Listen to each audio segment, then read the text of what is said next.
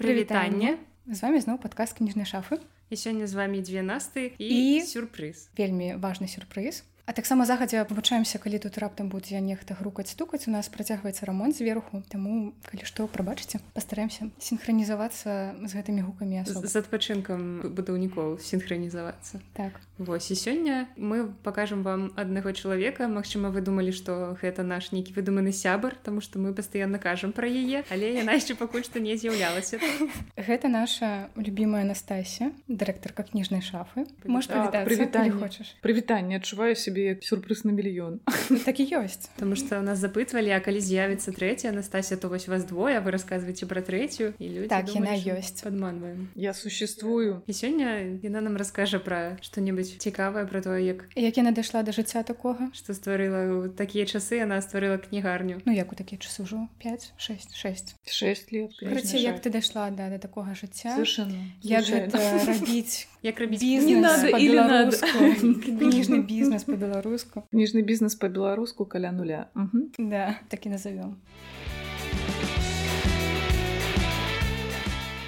Мы ўжо расказвалі пра гісторыю кніжнай шафы, але як гэта мы сюды было- трапілі да Так, як мы сюды трапілі, там трошку пра тое, як яна была створана, але нам трэба ведаць пер... з першай З першай. крыніцы. Предысторию. Ну, предыстория такая, что случайно я стала работать с книгами, и это так как-то очень давно, много, много лет назад было, наверное, лет 15, я не знаю, наверное, даже больше. И на первом моем месте работы, которое было издательство, кстати, огромное спасибо вообще моему директору Игорю Сергеевичу, который взял меня с семью грамматическими ошибками в анкете. Он сказал, что у него таких работников никогда не было. Это я первая. И он взял меня в мир книг, ну и походу окунул так, что я до сих пор в этих книгах. Это сейчас мы знаем слово дислексия, а тогда его не было. Ну, наверное, на чем ты догадался, что со мной все норм, а вот с грамотностью есть вопросы. И все, что я умею в принципе с книгами, это однозначно Игорь Сергеевич. Привет передаю, если он вдруг слышит, или кто-то из его знакомых передаст ему этот привет. правіла сям'і рукапаціскання Шасці. шасці Тут может быть и 26, потому что я думаю, вряд ли он сейчас занимается книгами.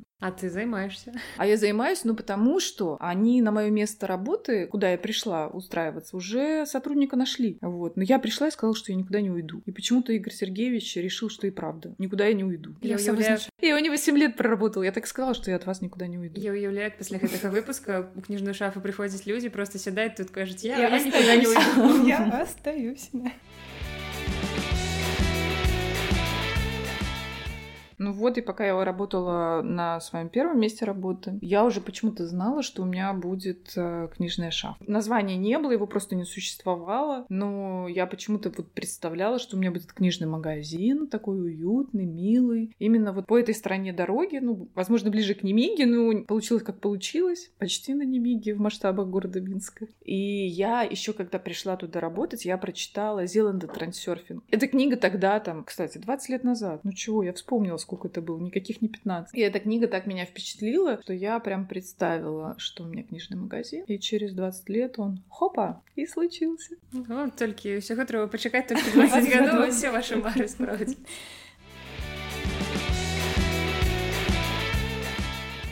Я же работала и в другом издательстве, поэтому у меня же не только опыт а, там масштабных отгрузок в Россию по 15 тонн до Петропавловска-Камчатска. А когда ты приходишь на работу, это самое удивительное. Разница во времени же по часовым поясам России там до плюс 10. И ты приходишь пораньше и начинаешь вот, типа, сортируешь своих покупателей от плюс 10 и спускаешься ниже по времени, по часовым поясам там до Ебурга, до Урала, и ну и потом потихоньку до европейской части России. И это тоже какой-то очень прикольный опыт, потому что я очень долго помнила, где плюс 6, где плюс 7. Прям помнила всю Россию по часовым поясам. Но второе издательство, где я работала, там же я была директором издательства. Мой шеф, кстати, ему тоже спасибо, ну, уже не знал, что у меня такие есть проблемы с грамматическими ошибками. Но они у меня же есть до сих пор. Ну, на свою работу уже Это не надо не устраивать. перашкаджае жыць. Вот это каб вы ведалі, што калі вы не ведаеце арфаграфіі, нічого Да, страшного. вот. Кстати, книжный магазин случился вопреки тому, что у меня проблемы с грамотностью, и мой учитель по русскому языку, то она все-таки считала, что это безграмотность, а не дислексия. На самом деле стыдно, ну, когда ты занимаешься этим, делать такие ошибки, ну, и причем они иногда бывают такие нелепые. Ну, как... это такая распаўсюджаная штука, что калі ты читаешь шмат, або калі ты працуеш з кніжкамі, ты павінен быць суперпісьменным человеком и ведаць, як пишутся все складаны словы. Это неправда. А ну... слушайте, ну вот, например, когда на меня подписался там какой-то момент Мартинович, я подумала, боже, он будет видеть все мои ошибки, я не буду постить ничего. Ну, то есть я правда реально, я уже взрослый человек, состоявшийся, у меня уже такой нормальный жизненный опыт, я все равно переживала, что люди, которые читают мои посты, там, имеют непосредственное отношение там, к филологии и вообще к писательству, и не только он, да, там, увидят и будут видеть эти ошибки, ну, и это как бы очень дурной тон. Я прям реально боялась писать.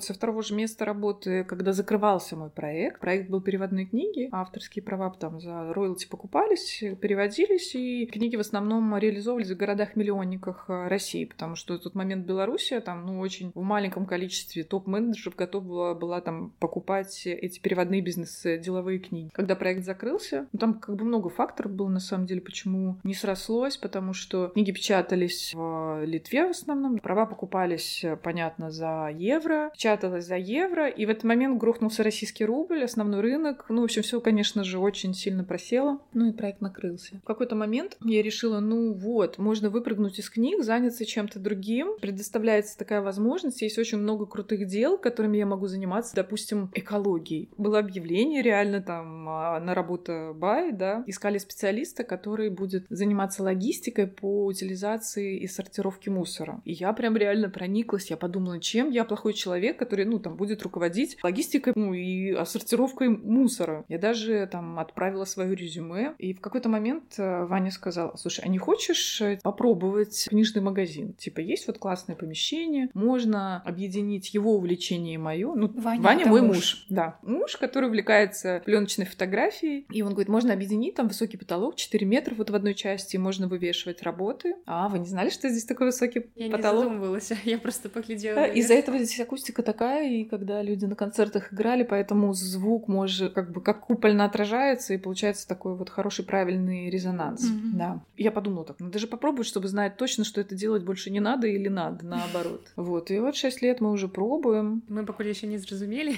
трэба это ці не трэба. Ці не, мы зразумели, что это не про... Постоль. Про то, что трэба книжные. А, трэба, не трэба. Но все равно это то, что тебе нравится делать, это важно. Потому что если бы ты не любил это делать, и все твои там затраты сводились к точке безубыточности, то, наверное, это все равно тяжело. Хочется какой-то там хороший результат, расти финансово, достигать каких-то целей, ставить какие-то планы. Ну, вроде как это и правильно. Но если ты прям любишь это и тебе это нравится, то это вообще совершенно другая скидка на то, что типа, ну вот тут я потерплю, а вот тут я себя как-то ущемлю. Но я не могу сказать, что уже последний год я так уже себя ущемляю. Ну, то есть я кайфую, ну... Читать я стала меньше, конечно, с книжным магазином, это точно. Потому что на первом месте работы, когда я увидела все эти стеллажи и все эти корешки, я просто их ела, эти книги. Мне мой директор разрешал их брать, аккуратненько возвращать. И мне кажется, что я читала все, что мне попадалось под руку, и это иногда была такая просто ерунда. И только потом мне захотелось читать вкусненькое. А так я просто наедалась, наедалась этими книгами, пока, видимо, не наелась. Вот, а сейчас, вон уже полгода читаю «Собаки Европы» Бахаревич. Это до тых людей, которые думают, что я буду працаваць у кнігарні целыми днями читать кніжачкі. Дарэчы, расскажи, что ты робишь? Вось мы з Настай тут продаем книги, звычайно, ты до нас приходишь у обед, раніцы. Расскажи, что ты робишь. А, что я делаю с самого да, утра? что ты робишь? Слушайте, во-первых, с утра я люблю, что есть вот эти вот волшебные люди, которые все равно к нам с утра залетают. Так как я сдаю ребенка в садик, и я еще типа с утра могу быть актив... в активности, я прилетаю сюда и закрываю все технические вопросы. Кстати, вот для тех, кто думает, что это такой типа бизнес-кайф, потому что, во-первых, мы декларируем книги сами, делаем статистику, вернее, полностью сами. У нас есть ПО для этого. То есть мы не заказываем это какому-то специальному обученному человеку. Мы делаем все это сами. Платежки мы делаем сами. Мы сами бухгалтера, мы сами с усами, мы сами таскаем эти книги, девчонки не дадут соврать. То есть я вожу вожу книги в своем багажнике, в коробочках. Ну, все, технической работы много и с терминалом, и с 1С. Ну, то есть это все скучно. Зачем я это рассказываю? Ну, Как бы люди разумели, что тут Нет, ну, я варю адбываецца. себе, конечно же, вкусный кофе с Гэта утра. самае галоўнае. Да, улыбаюсь всем, кто приходит. Нет таких утренних смен, чтобы вообще никто, ну, прям уже не пришел. Все равно обязательно кто-нибудь прибегает. І нават да пачатку рабочага дня, бо мы працуем з 12, Да, а до людзі 17. пачынаюць раней прыходзіць. И да, как бы, наверное, нужно работать раньше, а не с 12. но просто мы уже просчитали свой, э, свое время активности, и вот все наши добрые люди, которые тут работают э, по периметру, банки, а- айтишники, ну, они в обед прибегают к нам. Так вот с утра это же реально залетные люди бывают. Ну, много рутинной работы, и когда ассортиментность большая, тоже очень много рутинной работы. Я не хочу про это рассказывать, это все разочаруются в этой ауре такой, типа, Ну, книжного ж бизнеса. Гэта все равно все заходят. Ну, это такое закулисье, да, там ты все это таскаешь, что а людям про гэта приходишь, э, цікава там... паслухаць. Да, у нас же быў каментарый, што наколькі тут Ну, то есть это, э, і конечно, пра якія грошы рэч всякое такое што ну зразумела не ты дэталі не будзеш романтично, иногда расказваць. совсем, от слова совсем, да. То есть раньше я еще помню, я ездила к нашим перевозчикам туда за город, таскала эти коробки прям с этих фур. Вообще не романтично. Трэба мець у штаце хаця б аднаго такога фізічна моцнага чалавека. Мне кажется, это совсем не важно. Ну, то есть я работала в первом своем издательстве, и мне кажется, что пока мы приходовали, мы переносили все эти 15 тонн на своих плечах. Когда кто-то говорит, может вам помочь, ты понимаешь, что ты уже за свою жизнь переносил столько книг, что, ну, типа, ну, Ці может и нейкія помочь, как кампаніі бы. прадастаўляюць там які-небудзь сацыяльны пакет кшталту абанементу трэнажорку а у нас все Не, ну вы же битки нормально.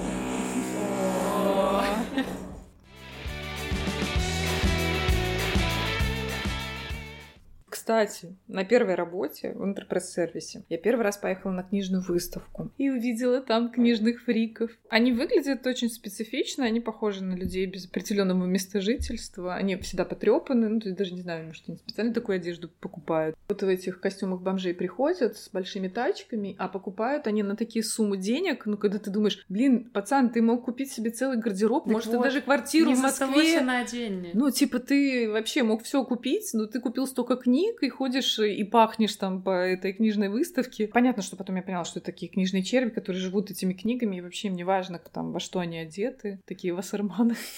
Очень меня впечатляло. Я думала, почему у нас таких нет? У нас все, кто там читает книги, выглядят плюс-минус интеллигентно. Ну, максимум, что я видела, это дед с тележкой там на белорусской книжной выставке с шапкой из какого-то тюленя. Важно еще понимать, что их не один, не два, то есть их реально там между рядов ходят десятками. Ну, то есть ты понимаешь, что это прям целая какая-то субкультура субкультура реально, то есть этих людей много, и у них как бы запрос на интеллектуальное. Вообще отдельная история. Вообще я за поездку на выставку в Москву худела на 5 килограмм, чтобы вы понимали, какой для меня это был Колькі движ. дзён была выстава Три-четыре. Обычно, ну, там пятница, четверг и на выходные. Ну, то есть, наверное, как у нас, плюс-минус. у нас беларускія звычайна пачынаюцца ў сераду але ў сераду там нібыта адкрыццё нейкія выступаюць людзі важныя якіх ніхто не ведае Слушайте, ну там же такой другой поток вообще. То есть там столько людей через тебя проходит. Я думаю, что ты худеешь не потому, что ты там стоишь и там не вовремя пообедал, а потому что ты, ну, пропускаешь часть такое количество людей. Мне кажется, что я там вижу с пустыми глазницами на белорусских выставках, когда там через них пройдут, ты пришел вечером, и они такие, типа, уже не могут даже шевелиться. Хотя, казалось бы, это не такой поток. такі самы распаўсюджаны тып махляроў на беларускіх кніжных выставах это калі ты ну ты чалавек які працуе на выставе там ужо трэці дзень ты стаміўся асабліва калі у вас і так не Потерял так шмат канцэнтрацыю. чалавек. так ты нібыта уже не сканцэнтраваны у тебе цэлы дзень гэтыя людзі грошай пераважна людзі якія тебе падманваюць на кніжных выставах як зараз гэта можа быць прагучыць як нейкая неталерантнасць але гэта пераважна людзі ўсходняй знешнасці гэта ніводнага разу не было каб гэта быў чалавек славянскай знешнасці і звычайна гэтае махлярства выглядае так яны выбіраюць якую-нибудь самую танную рэч свайго стэнда яны запытваюць там што-небудзь самае таннае яны выбіраюць якую-нибудь такую маленечку кніжачку там допустим на 4 Фінтифлюшку. рублі так зусім просто не нешта неважнае яны даюць напрыклад дастаюць вялікую купюру звычайна гэта 50 рублёў і яны даюць табе гэтыя 50 рублёў але не выпускаюць іх з рук не так як звычайна людзі кладуць гэтай грошы на кніжка каб ты забраў іх і потым дачакаўся рэшты напрыклад яны трымаюць у руках гэтай грошы і калі ты рыхтуеш ім рэшту ты такі зацюкны ты хочаш гэта зрабіць хутчэй каб адпусціць чалавека яны звычайна выбіраюць момант калі у тебе вакол э, твайго стэнда шмат людзей і яны яны гэтую купюру трымаюць у руках ты там адлічыў ім рэшту ты даеш ім гэтую рэшту і ты можаш не заўважыць як яны схавалі грошы якія далі табе. так таким чынам яны забіраюць кніжку яны забіраюць свае 50 рублёў і забіраюць твою рэшту умножаюць деньги на два вучыцеся наста тут лайфхакі дае так з нашага стэнда я была тым чалавекам які раскусіў гэта махлярства са мной тройчы праварочвалі такую сітуацыю але я ні разу не аддавала грошы і чалавек я спрабавала выцягнуць яго з, з рукі каб, да? так з рукі грошы каб аддаць яму пасля гэтага рэшту а яны трымалі ў руках і запытвалі ой можа быть у вас можна картка я кажу так можна карткай яны казалі зараз я тады пайду за карткай і больш не вярталіся таму што яны бачылі што махлярства не атрымалася але адна дзяўчынка з нашага стэнду вось на жаль влетела деньги да. так ну там была не вельмі вялікая сума але ўсё роўно як бы гэта адчуваць не это неприятно неприятно У нас есть одна запамінальная жанчына мы яе умоўна называем жанчына з царквы Таму што яна аднойчы у адны з першых сустрэч сказала што яна ходзіць у царкву да на ці то ну, на какую ходзіць яна ходзіць яна кажа пра сваю царкву Мачыма на кожным сваім наведванні плюс она приносіць нам навукросінг адпаведныя да, рэлігійныя слушайте но она не просто ходит церковь она реально ходит в какую-то там секту или харизматов или пятидесятников ну от наверное не церковь ну, да, это не секта это скорее всего церковь у нас там как-то числится православная католицкая да не классическая да. Вось яна вельмі любіць нашу палічку з букросінгам яна час ад часу заходзіць пытаецца ёсць у нас новыя кнігі і сядае тут і дзесьці гадзіну сядзіць іх разглядвае час ад часу запытваючы у нас з настай ну залежнасці ад таго хто працуе ці чыталі мы кнігу яна так амаль што пра кожную пытае і спрабуе вывесці на нейкую размову але мы уже перасталі ўключацца ў гэтай размовы ну, абсолютно не цікава слушайте последний раз она вообще приехала на самокате и вы знаете эту историю она приезжала три раза на самокате чтобы вывести книги она их их складывала в коробку, это ставила на самокат. А в какой-то момент она даже рассказала, что это небезопасно с коробками на самокате ездить. Я подумала, ну что, она, наверное, и живет-то не близко. Ну представьте, вот это вот все едет через проспект Дзержинского на самокате. То есть, ну, мне кажется, что даже гаишники уже должны ее просто остановить. Нам просто на буккроссинг принесли целую подборку замежнай класікі а, савецкія такія выданні вось мы рассказывали mm -hmm. адным з пярэдніх выпускаў яна так зацікавілася усімі гэтымі выданнямі што вырашыла вынесці ад нас ледзь не ўсе кніжкі яна реально іх склала там што зараз яна не могла іх вывесці яна іх склала ў скрынку схавала ў куточку і сказала можна я буду патрошку забіраць мы сказали можна, можна. яна адчапілася і дарэчы на гэтым тыдні яна мне цытавала юго яна адкрыла вершы юго і зачытвала іх тут і мне яна таксама калі яна некую кніжку пачала чытаць яна мне рассказывала казала што некая поўная лухта атрымалася я яе вам принесла назад і паклала на паліцу але нават не памятаю што гэта было я не услухоўвалася яна такую цудоўную фразу сказала на гэтым тыдні пытала ці чытала я толкіна як ужо чытала і яна кажа што вось усе чыталі нават мой былы муж чытаў і я умею тое сёе умею квасіць капусту а дагэтуль не чытала толкіна вось гэта было геніяльна жыццё трэба пражыць так каб умець квасіць капусту і пры гэтым прачытаць кніжкі то слушайте ну і уметь вывозіць э, коробкі кніг на самокате через весь город поверьте это сложный навык яна вельмі вынаходлівая да але яна вельмі шмат гаворыць вельмі любіць паразмаўляць як ужо наста сказала і ёй зусім не абавязкова што мы ёй адкажам і нават не можна не глядзець на яе так. яна просто помните к нам на выставке тоже еще приходил один фрик он правда не книжный фрик такой даже зимой приходил в свитере на все открытия выставок и мероприятий не помню как его зовут мы яго называем з настай гена каб ідэнтыфікаваць потому что ён этот молах по гене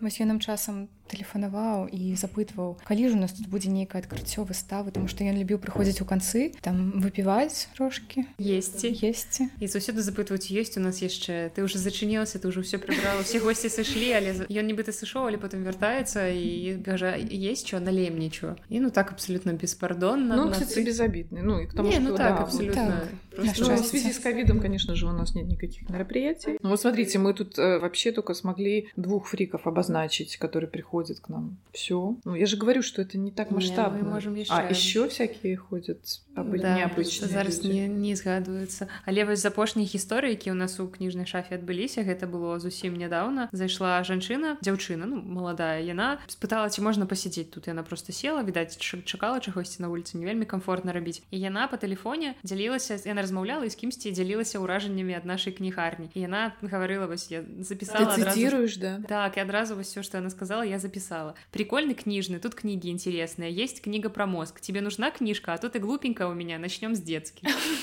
Некие высокие адносіны і мне гэта вельмі спадабалася.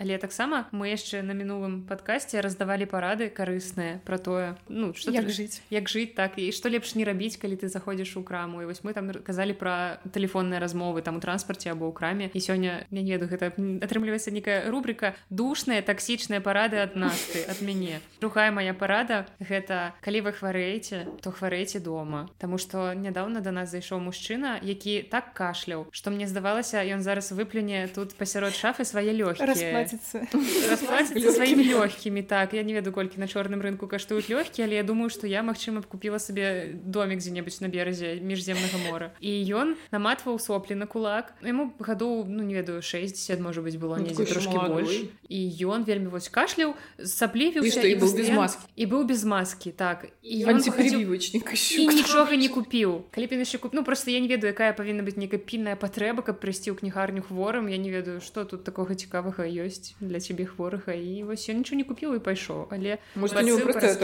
кашлі курильщика але але соплі ён вот конкретно вот чалавек можа быть некае прастуднае захворванне і ён такім выглядзе прыйшоў таму людзі калі вы хварэеце лепш дома паляжыце вам будзе больш кайфовенька і пра сабак і пра сабак самая любимая самая любимая наведвальнікі мы хочам сказаць что кніжная шафа гэта док-френдлі месца Таму что мы просто неверагодна любім усіх людзей да нас якія заходзяць сабакамі і вось за апошні тыдзень чалавекі 23 завітвалі ў кнігарню яны так адчынялі трошку дзверы зазіралі галавой запытвалі а сабакай да вас можна я кажу нужно і людзі заходзілі і гэта былі заўсёды нейкія цудоўныя сабакі вось у нас ёсць пастаянныя наведвальнікі точно у нас же есть постоянно сэм сэм Янкевича. А, Элис, Элис, точно, Элис, Сэм. Еще какие-то ходят красивые, но Лекс. я что-то с ними не сталкивалась. С да. Лексом ты Лекс. Да, вот мы нет, никогда не встречались. Вот, я не ведаю, слухая Ната наш подкаст, перадам ну хозяин сэма точно слушает прывітанне Андрею ленкевичу фотографу і паштоўкі якога можна купіць у кніжнай шафе і альбомы якога можна купіць у кніжнай шафе калі вы цікавіцеся сучаснай беларускай фатаграфіі то ну імя Андрея ленкевича это тое што вы мусіце ведаць аднойчы у нас тут была сустрэча з фотографамі яны прыязджалі з-за мяжы вось з германії здаецца усе былі таксама быў Андрей з сэмом і было вельмі спякотна лета было працягне і Андрей ленкевич чытаў ім тут лекцыю яны разглядалі там на экране розныя рэчы Рэчы і было горача і сэму было горача ён лёг на подлогу так у нас тут такая подлога холодненькая ён пузікам сваім лёг ну а гэта такі вялікі лабрадор прыгожы ён лёг і побач з ім лёг немец. Яму відаць таксама было горача ён таксама лёг так прыгожа і вось ляны з сабакам очень холодная подлога у нас недзе засталася фотка нават як гэты так я фотаграфавала ляжаць ляжыць. было б клёва калі б там ляжала нямецкая аўчарка і немец. Вось два немцы ляжалі Сэму привет вот і Андрею тоже А нядаўна яшчэ была гісторыя калі сюды зайшоў мужчына з двума бульдогамі яны былі такія якія немного немного нашей шафы что мне кажется бульдоги заняли все пространство если двое не, ну, яны такія нізенькія і а, они... Над... гэта можа не буль... не бульдог ну, французскі бульдог это боксеры наверное. ён так да да да гэта французскі бульдог. Карацей гукі як я захаваюцца на запісу постараюся гэта да змонтировать карацей зайшоў мужчына з французскімі бульдогамі і ён таксама спытаў ну нормально что яны ўвогуле зайшлі як ужо да канешне ён спытаў ці можна іх пакінуць на крыху тому что у нас тут побач таварыства і гэты мужчына сабраўся ісці ў таварыства і я тут ну хвілінку можа дзве з гэтымі бульдогамі патусіла ты навучыла іх чытаць кніжкі не паспела але яны разглядвалі паліцыю вельмі актыўна я думаю што было цікава таксама яшчэ аднойчы моя знаёмая маргарыта прыходзіла са сваім амерыканскім стафарчырскім тэр'ерам вымовіла ну, там што я з дзяцінства люблю сабак і у мяне была цэлая кніжка пра амстафу і я марыла калісьці што ў мяне будзе гэта сабака забойца яны звычайна называюць іх але насамрэч гэта неверагодна пяшчотны сабака які нічога дрэнных ну калі зразумела ты будзеш ему там шкодзіць то ён табе ж нешта зробіць але келлі поўна імя якой каліопа калі вы глядзелі серыял анатомія страсці то вы зразумееце адкуль гэта імя і вось маргарыта прыходзіла з келлі і сказала што келлі вельмі любіць чытаць кніжкі яна тут нюхала і потым маргарыта даслала мне фотаздымак як выглядаюць некаторыя яе кніжкі там падручнікі па гісторыі там, там чытала да У Слушайте, меня как кот это мы так с фриков- сгрыз теорию С литературы. фриков перебрались на собак. Я просто, ну, прости. Я просто словила эту мысль, как мы с Да, фриков дык гэта перебрались всё на собак. Мы так- цудоўна. Гэта быў пераход. А твой кот тоже ест книги? Цяпер не можа да іх дацягнуцца, але калісьці я пакінула на ложку тэорыі літаратуры гэта белае выданне. І думаю, зараз сфоткаю і выйшла літаральна там на хвіліначку вяртаюся, ён ужо пачаў грызць. У мяне ляжыць таксама кніжка пагрызеная коцікам коцікам нашага агульнага знаёмых і сярожы ён мне аддаў кніжку Васіля грыня не адчайваемся і там вось куточак таксама пагрызены коткай Нашему Айсу вообще не интересны книги. Яшчэ маленькі. Мы скатились к котам. Дарэчы у нас ёсць кот які да нас прыходзіць мы так і не вылічылі што гэта за кот але прыгожы З вельмі здзіўленымі вачыма, такі ў яго вялікі вялікі позірк. ён такі дагледжаны. бенгальский, ребята? Не, я не асабліва ну як бы я такія асноўныя пароды просто кот Просто просто, прыгожы ён такі пухнаценькі пухнаценькі ён чысценькі вельмі у яго ёсць нават бла... чырвоны. здалося нейкі блакітны Ну, можа быць гэта розны кота. прыходзіць ён заскоквае на падаконнік звонку глядзіць на мяне калі я чыні дзверы ён заходзіць ён тут вельмі так себе адчувае нібыта ён дома ён паўсюль паходзіць паходзіць і потым яго не выхнуць Але даўно не было ўжо. так ну, на разы два ці тры Ну, так. напрыклад быў у мяне А, кстати, нет, я вот еще вспомнила про своих первых работодателей. Я потом увидела, как они нанимают, э, набирают людей, уже прошло столько лет, ну вот, реально, 20. Я у них работала в 21 год, больше Мгм. 30 лет прошло. И что, когда они на собеседовании людей собеседуют, они говорят, что одна из сотрудниц у нас открыла книжную шафу, что это наша девочка, вот, прикиньте. Столько лет прошло, я уже успела поработать в других местах, а они э, на собеседовании, типа, как, наверное, там, я не знаю, как бонус, или чтобы привлечь, там, не знаю, ну, Мгм. чтобы заманить каких-то людей, говорят о том, что книжная шафа это как раз вышло из их пенатов. Ну все, я уже договорила, а он досверлил. Мгм. Мгм. Так як гэты выпуск напэўна выйдзе прыкладна перад святамі навагоднімі каляднымі то мы хацелі згадаць пра некаторыя кнігі якія вы можете набыць у падарунак у нас у кніжнай шафе. Ну альбо проста як варыянт тое што вы можете набыць недзе яшчэ. Ну і звычайна новы год гэта ну ці каляды калі хто святкуе гэта тое свята якое больш за ўсё чакаюць мабыць дзеці. Дарослыя вядома чакаюць таксама але ўжо з гадамі ўсё менш і менш гэтая вось вера ў цуд нейкі але дзеці менавіта гэтага свята чакаюць таму мы мабыць пачнём з дзіцячых кніжак якія вы можете купіць у нас і пачнём мы з максімальна каляднай кніжкі якая раскажа вам пра калядныя традыцыі ў іншых краінах І першая кніжка про якую мы раскажам гэта кніжка свена нуртквіста гэта шведскі пісьменнік і ілюстратор кніжка называется яна выходзіла по-руску і по-беларуску вы можете купіць яе або под назвай калядная каша або под назвай рождественская каша і гэта гісторыя якая рассказывае нам про тое як святкуюць каляды у Швецыі бо до нас прыходзіць ну звычайна дед мороз мы прывыклі до гэтага чалавека до гэтага вобраза а да шведскіх дзяцей прыходзіць на каляды калядны гном і каб гэтага каляднага гнома неяк так улагодзіць каб ён да наступным годзе зноў з падарункамі да нас прыйшоў все было добра яму трэба падрыхтаваць калядны пачастунак і гэта менавіта калядная каша гэта такая традыцыйная страва якую шведы гатуюць перад калядамі спецыяльна для гэтага гнома ну і потым вось гэтая гісторыя расказвае пра тое што будзе калі ты раптам забудзеш про гэтую калядную кашу і што гномы яны не такія бесшкодныя маленькія прыемныя чалавечкі яны могуць табе вельмі добра нашкодзіць потым чымсьці нагадала мне гэтая кніга новую якая выйшла ў выдавецтве коска у перакладзе надзі кандрусевич гэта каляды ў булербю ад астрыд лінгрен там таксама расказваецца пра тое што дзеці робяць перад э, святкаваннем калядаў это так просто уставачка А я хацела расказаць адразу пра снежную сястру якую напісала Мая лунды гэта э, нарвежская пісьменніца і малюнкі да гэтай кнігі зрабіла ліса айсата а пераклад на беларускую мову ажыццявіла Юля Тимофеева. Такая светлая гісторыя про тое як вярнуць цуд і нейкую утульнасць у сям'ю і пра тое што ну у прынцыпе дабро заўсёды перамагае нешта такое цёмнае і сумнае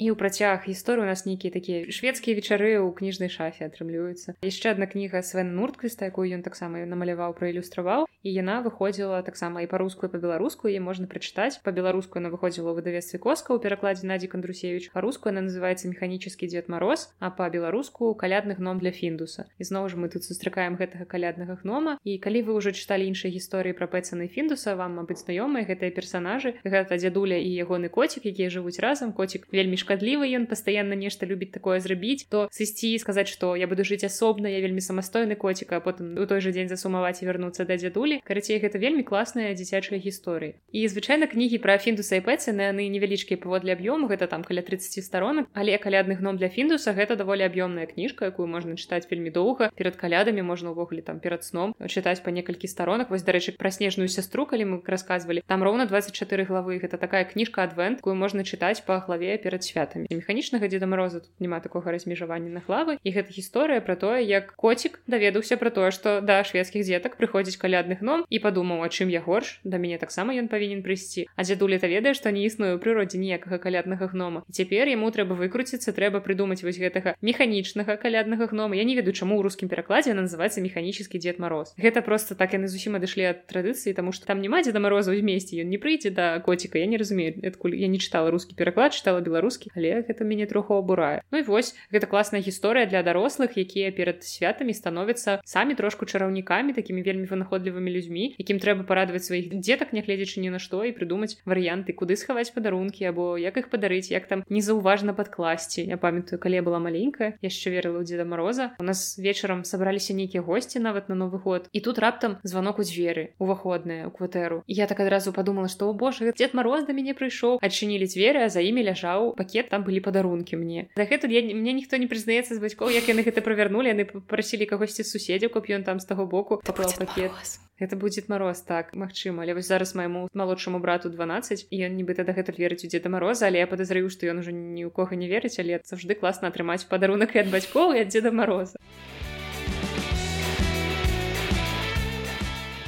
Я подумала, што ў калядныя вечары альбо перад навагоднія было б прыемна пасядзець пачытаць ну у ідэале сесці спакойна перад нейкім камінам расслабіцца і што у такой сітуацыі класную кампанію склалі б такія кнігі як крабат от фрыда пройслера і Джонатан Стрэндж і містер Норал ад Сюзаны Кларк. Я згадала гэтай кнігі, таму што ў іх ёсць магія, але магія трошкі не ў тым тыповым разуменні, у якім мы звычайна ўспрымаем не фэнтэзійная, не гарыпотераўская, не нейкая такая не ведаю вясёлая у крабаце это твор які пераклаў на беларускую мову Сергей матырка. Згадваецца лужыцкая легенда пра хлопчыка які пайшоў на млын і ў гэтым млыне жыў чараўнік які вучыў таемным мастацтвам сваіх вучняў. Чорная магія всяка такое. Это вельмі атмасферны твор у якім я памятаю як Сергей казаў про тое что кожнае слово тут да месца дарэчы это круты пераклад таму каб адчуць вось гэтую атмасферу. Нешта такое чароўнае про тое что заўсёды ідзе нейкае змаганне зноў жа добра са злом якую цану мы плацім за свой выбор і про тое что магія можа быць зусім рознай ну, так як мы яе сабе уявім і таксама кніжка Джонатан Стрэндж і містер Норал тут атрымліваецца пачатак 19 стагоддзя і знаёмяцца Джонатан Стрэндж і містер Норал такія чараўнікі якія валодаюць здольнасцямі і служаць на карысць дзяржавы яны вырашаюць розныя складаныя сітуацыі Ну і вось гэта такая кніга якой спалучаецца сур'ёзнасць віктарыянская эпоха некая размеранасць такі запаволены рытм тут шмат старонак маленькі шрифт але для того каб парасцягваць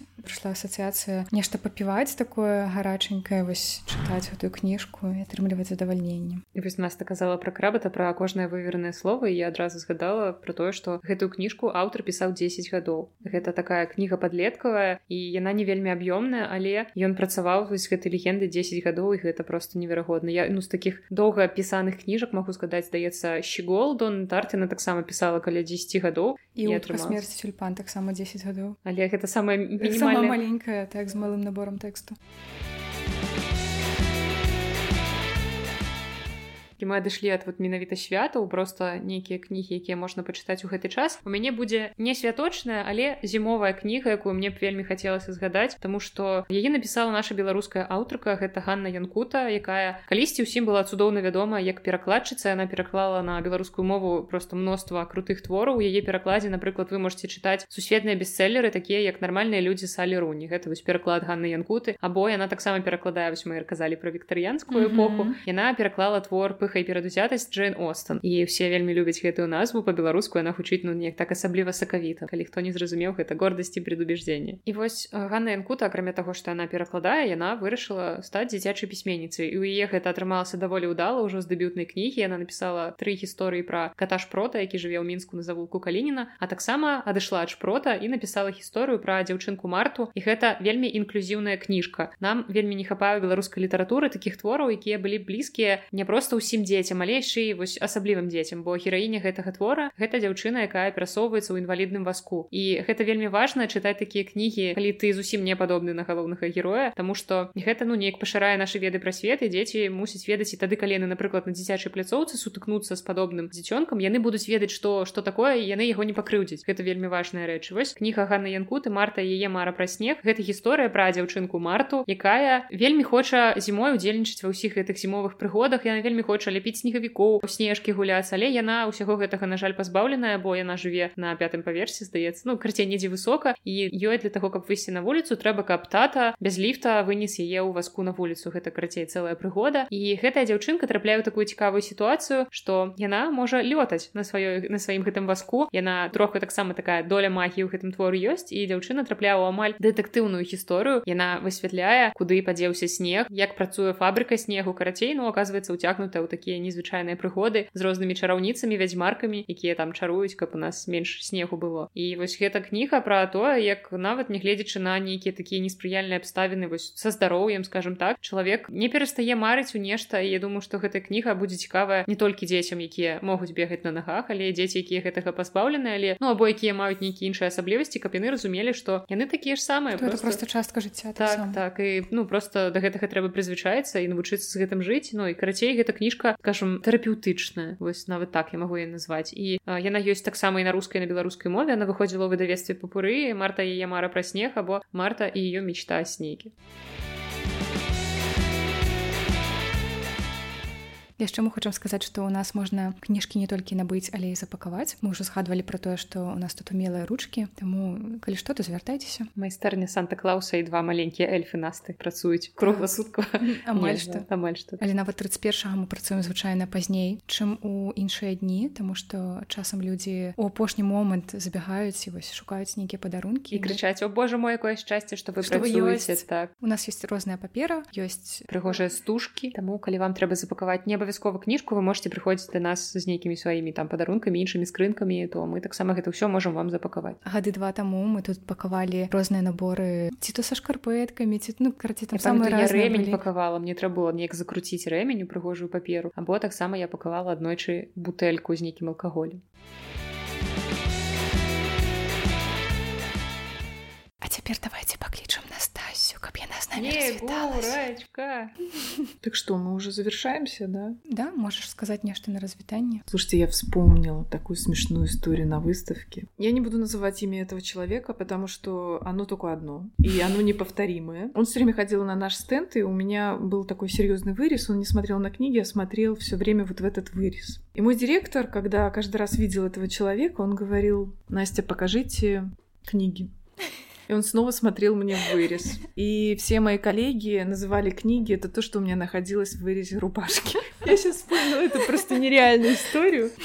Можна цяпер рабіць такія кампліменты якія ў цябе прыгожыя кнігі не было больше кнігі гэта беспройгрышна да ну просто видно я была молодая и мои книги сильно были видны эуфемизм просто нужно на чем-нибудь очень веселым закончить да нашу встречу да но я не смогу спокойно успрымаць Крыцей, калі вам цяпер давядзецца хадзіць да псіхатэрапевта у нас есть контакты дарэчы да, каб перастаць бачыць поэтому вот видите я теперь одета так что книг не видно ну очень редко можно меня увидеть в одежде в которой видны книги есть такі выраз душа на распашку книги на распашку А еще, знаете, есть же такая прямая зависимость, что чем сложнее у тебя маникюр, тем меньше прочитанных книг э, в твоей книготеке. То есть, ну вот, если вы видите людей с затейливым маникюром, значит, сразу же там минус 20 книг точно в карьере чтения. Если вы видите человека с э, очень примитивным маникюром, ну, есть вероятность, что это очень читающий человек. Так что, ну, вот так вот даже, когда к вам заходят покупатели, вы можете реально понять, вообще читает человек или нет. Ну, заходят же всякие залетные, которые вообще не читают. И ты такой вроде уже тут... А на мостик стал, показал все в ассортименте, и тут ты понимаешь, все книги. что... А, да, все книги показал. И тут ты понимаешь, что у человека такой маникюр, что ему вообще в принципе не сюда мой мастер рук, э, Полина, она на самом деле сама приходит к нам, отправляет своих детей сюда, они читают, и клиентов тоже. Так что это прям наш форева такой читатель. Просто про ногти так рассказала. У нее, видимо, читающие клиенты, потому что, ну, у них нет вот этих затейливых кренделей на, на ногтях. То есть все красиво в рамках интеллигенции. на такой позитивной ноте. Мы развітваемся з вами до наступных выпускаў. Абнімаю кніжную аудиторию всеми своими книжками. Дзякуй усім, што вы сёння былі з намі, што вы з намі будзеце і далей. Любім цэлуем. З вами быў падкаст кніжная шафа і нарэшце тры это было 13 у поўным складзе. Два мікрафона і 13. Так. Трэба фотачку зрабіць.